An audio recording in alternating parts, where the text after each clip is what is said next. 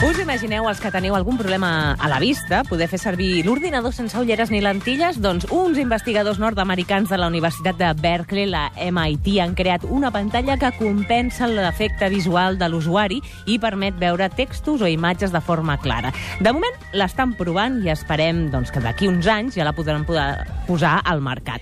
De tot això i de molt més en parlem amb l'Alfons Bielsa, que és president del Col·legi d'Optometristes de Catalunya. Bona tarda de nou. Hola, bona tarda. Aquestes pantalles, ja ens has dit, graduades, estan en fase Sí, experimental, exactament, no? exactament. I, per tant, no sense ficció, podria ser Clar, realitat? Exactament. Pot ser en un futur no massa llunyà, podrien ser realitat en casos molt concrets. Eh? Això, ningú ha d'entendre que això pugui substituir, per exemple, un sistema, unes ulleres pues, per anar pel carrer o per conduir. Per, és estrictament només per pantalla, pantalla llibres electrònics. Eh?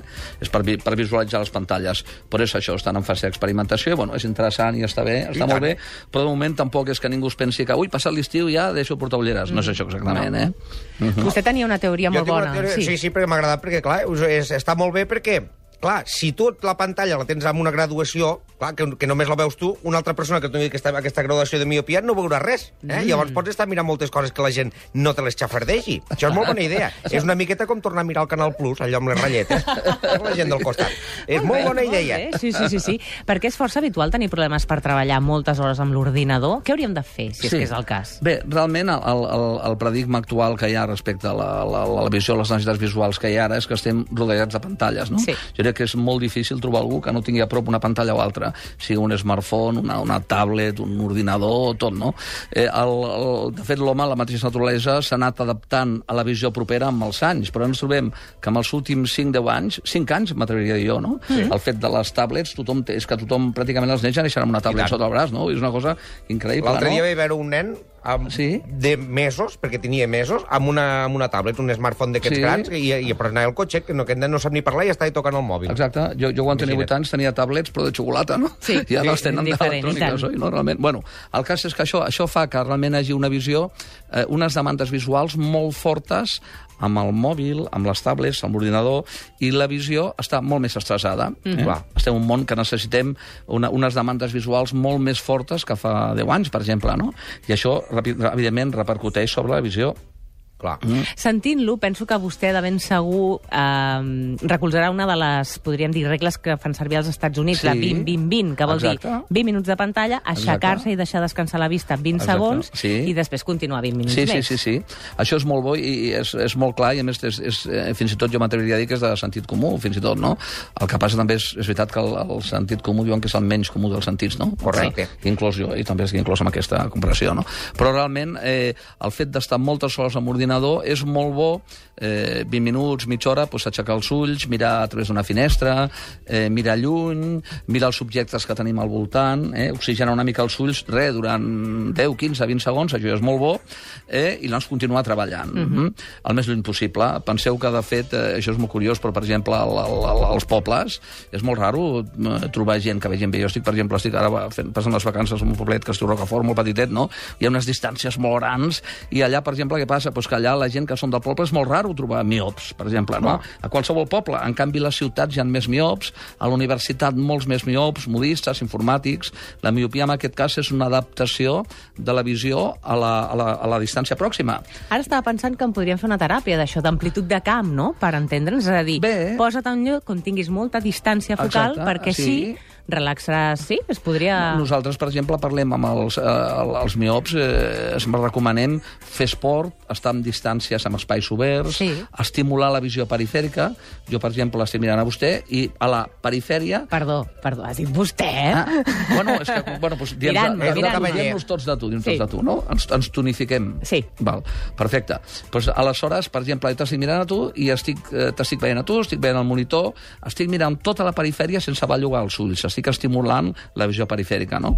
Amb la miopia això està bé perquè és anar en direcció contrària a la tendència A. Mm? Uh -huh. Jo amb això vull insistir molt i entre el concepte de que una cosa, això és molt important, això és importantíssim, entendre-ho, una cosa és la visió i altra cosa és la vista. Mm? Si ara mateix us preguntés quina diferència hi ha entre vista i visió, què em diríeu vosaltres d'entrada? Mm, mm, quan vostè vulgui pot contestar, o quan tu vulguis Perfecte, pots és complicat. contestar. És una tonteria, és complicat, exactament. M'has enganxat. Ara us explicaré... No és que a tothom, eh? A tothom l'enganxo, Sí, sí, sí. pregunta, a tothom.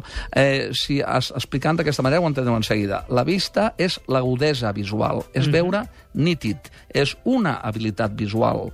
La visió és un conjunt d'habilitats visuals que és veure nítid, veure clar, però no cansar-te, entendre el que veus, coordinar els dos ulls, que hagi una bona visió binocular per poder veure en 3D, que el món és en 3D, que puguem tenir una agilitat visual còmoda per la lectura, uns moviments ràpids, eficaços, tot això és la visió. Eh? Quan nosaltres anem, per exemple, amb el nostre fill i li fem un calendari 3 quilòmetres, és un exemple, eh? Vull dir, evidentment, per molt bé que el vegi, no vol dir que no tingui un problema de visió. Pot haver una bona, una bona vista a cada ull, veure-hi molt bé, Sí. i tenir un problema de coordinació dels dos ulls, o un problema de la lectura, o un problema de visió de prop. O sigui, la visió és un conjunt d'habilitats dels ulls. La vista és una sola habilitat, que és veure nítid. Això és importantíssim, eh? Perquè a vegades pensem que tenim una bona vista, el pagès que veu aquell porc senglar que està a 3 quilòmetres, i en canvi de prop se li carrega el cap de mala manera, no? perquè té un problema de visió binocular, per exemple. Anem a recuperar una prova que els òptics catalans vau fer als cinemes i que va tenir molt d'èxit. A continuació, participareu en el primer test col·lectiu per verificar la vostra visió binocular. Una experiència única al món. Hola, sóc en Víctor, el vostre òptic optometrista estereoscòpic. Anem per feina. Estigues atent a la pantalla, perquè anem a fer tres senzilles proves. Ah, recorda, has de mantenir tots dos ulls oberts, no te'ls tapis. Comencem! Alfons, explica'm com anava aquesta prova que veu fer i que veu tenir unes bases de dades Sí, sí. molt interessants. Bé, bé, bé. Realment va ser un, un experiment, m'atreviria a dir, bueno, a dir totalment, claríssimament a nivell mundial, internacional, perquè realment no s'havia fet mai, que se'ns va ocórrer des de la Junta del Col·legi de que el millor lloc per avaluar la visió de la gent era el cine, la visió relaxada, un gabinet de luxe, la pantalla molt lluny, tot a fosques, tal.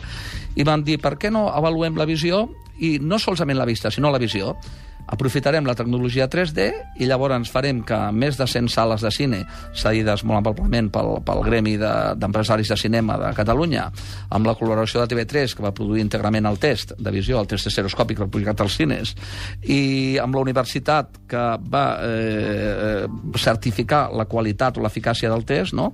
més de 450.000 persones van poder valorar al mateix cine, abans de començar la pel·lícula, durant dos minuts, quina visió estereoscòpica tenien, quina visió binocular tenien. O sigui que va ser molt bo perquè realment molta gent va descobrir que si no li agradava el cine en 3D és perquè no veien en- bé en 3D. I que, per tant, tenien... eh, o s'havien de fer mirar un problema de visió, es tenien que revisar la visió. Ja podia ser un tema de oftalmològic, llavors en aquest cas remetre a l'oftalmòleg, com podia ser una, una catarata, una alteració a la retina, el que fos, una persona més gran, o un cas senzillament d'una una, una manca d'una compensació adequada òptica, o la falta d'algun tipus de teràpia visual, o un tipus d'alteració visual que feia que la persona realment no s'impressionés amb el 3D.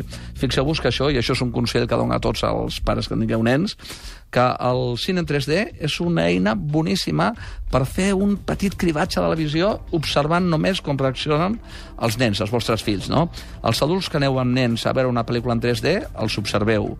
Uh, normal és que belluguin els braços, les mans, que vulguin agafar el que surt. Eh? Si veus un nen, per molt content que estigui, per molt que rigui, per fer una expressió de múscul i no es mou res del seient, és molt fàcil que tingui un problema de visió binocular, quasi segur. Eh? Ara que hi ets, els nens, quan han d'anar a fer-se les primeres revisions? Bueno, aviam, amb els nens, primer, realment, el que s'ha de descartar, eh, d'una banda, si no, no han fet mai cap revisió, primer per l'oftalmòleg, descartar que no hi hagi cap patologia, perquè, clar, estem parlant de salut ocular i de salut visual. Nosaltres, com optometristes, treballem sobre la salut visual, sobre ulls sans, amb problemes funcionals de visió. Miopies, hipermetropies, astigmatismes, problemes de convergència, lents de contacte, teràpia visual... L'oftalmòleg sobre la salut ocular. Mm, Són dues professions que solapen. Aleshores, un cop descartat que no hi ha cap patologia, doncs no està de més 3, 4, 5 anys a començar a fer els primers cribatges, les primeres revisions, no? De fet, hi ha òptics més especialitzats en optometria infantil i òptics que treballen més en general, no?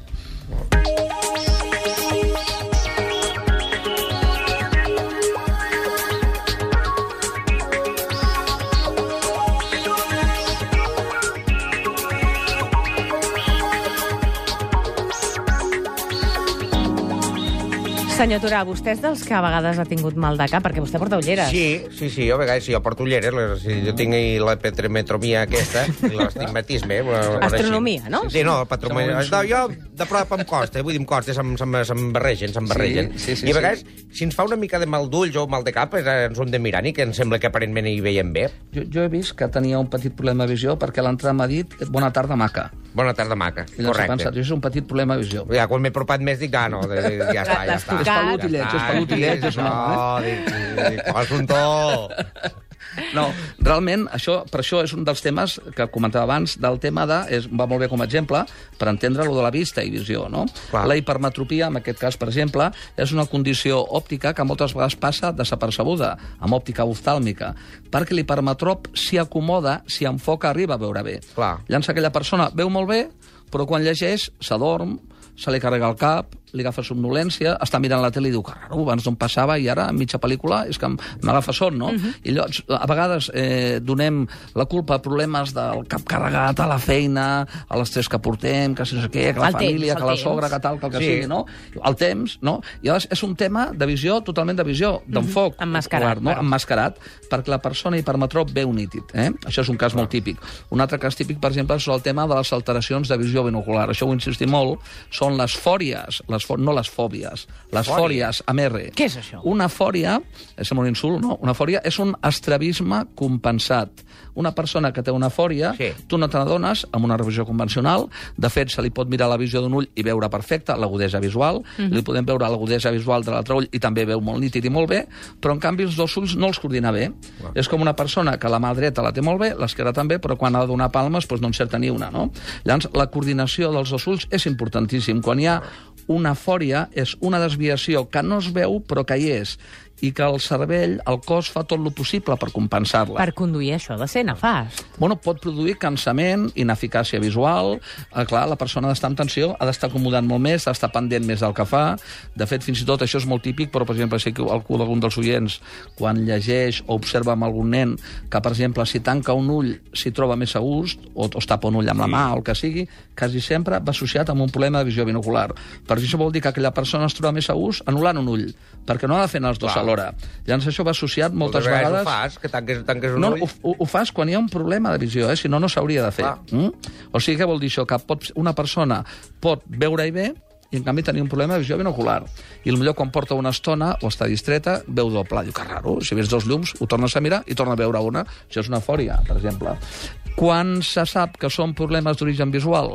Si la persona, per exemple, senzillament fa una, una migdiadeta, dorm una miqueta, tanca els ulls, quan nota com un alivio, com un descans, perquè els ulls llavors no tenen cap referent, Clar. no han d'enfocar, no han de forçar, llavors la persona aquella es troba a gust, amb els ulls tancats.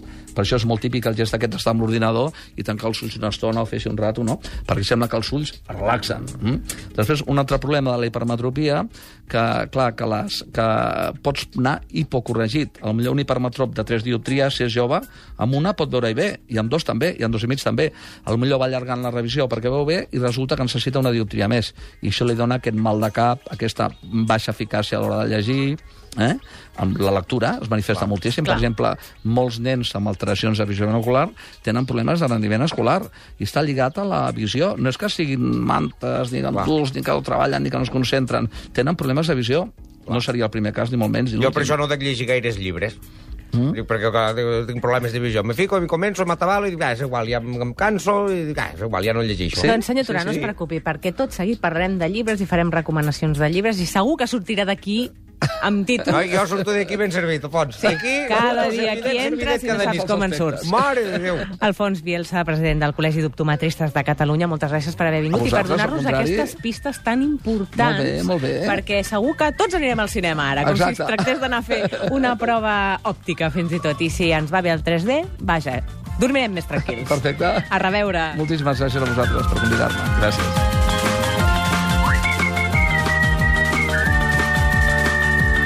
Dies a la setmana, perquè ens agrada estar amb tu.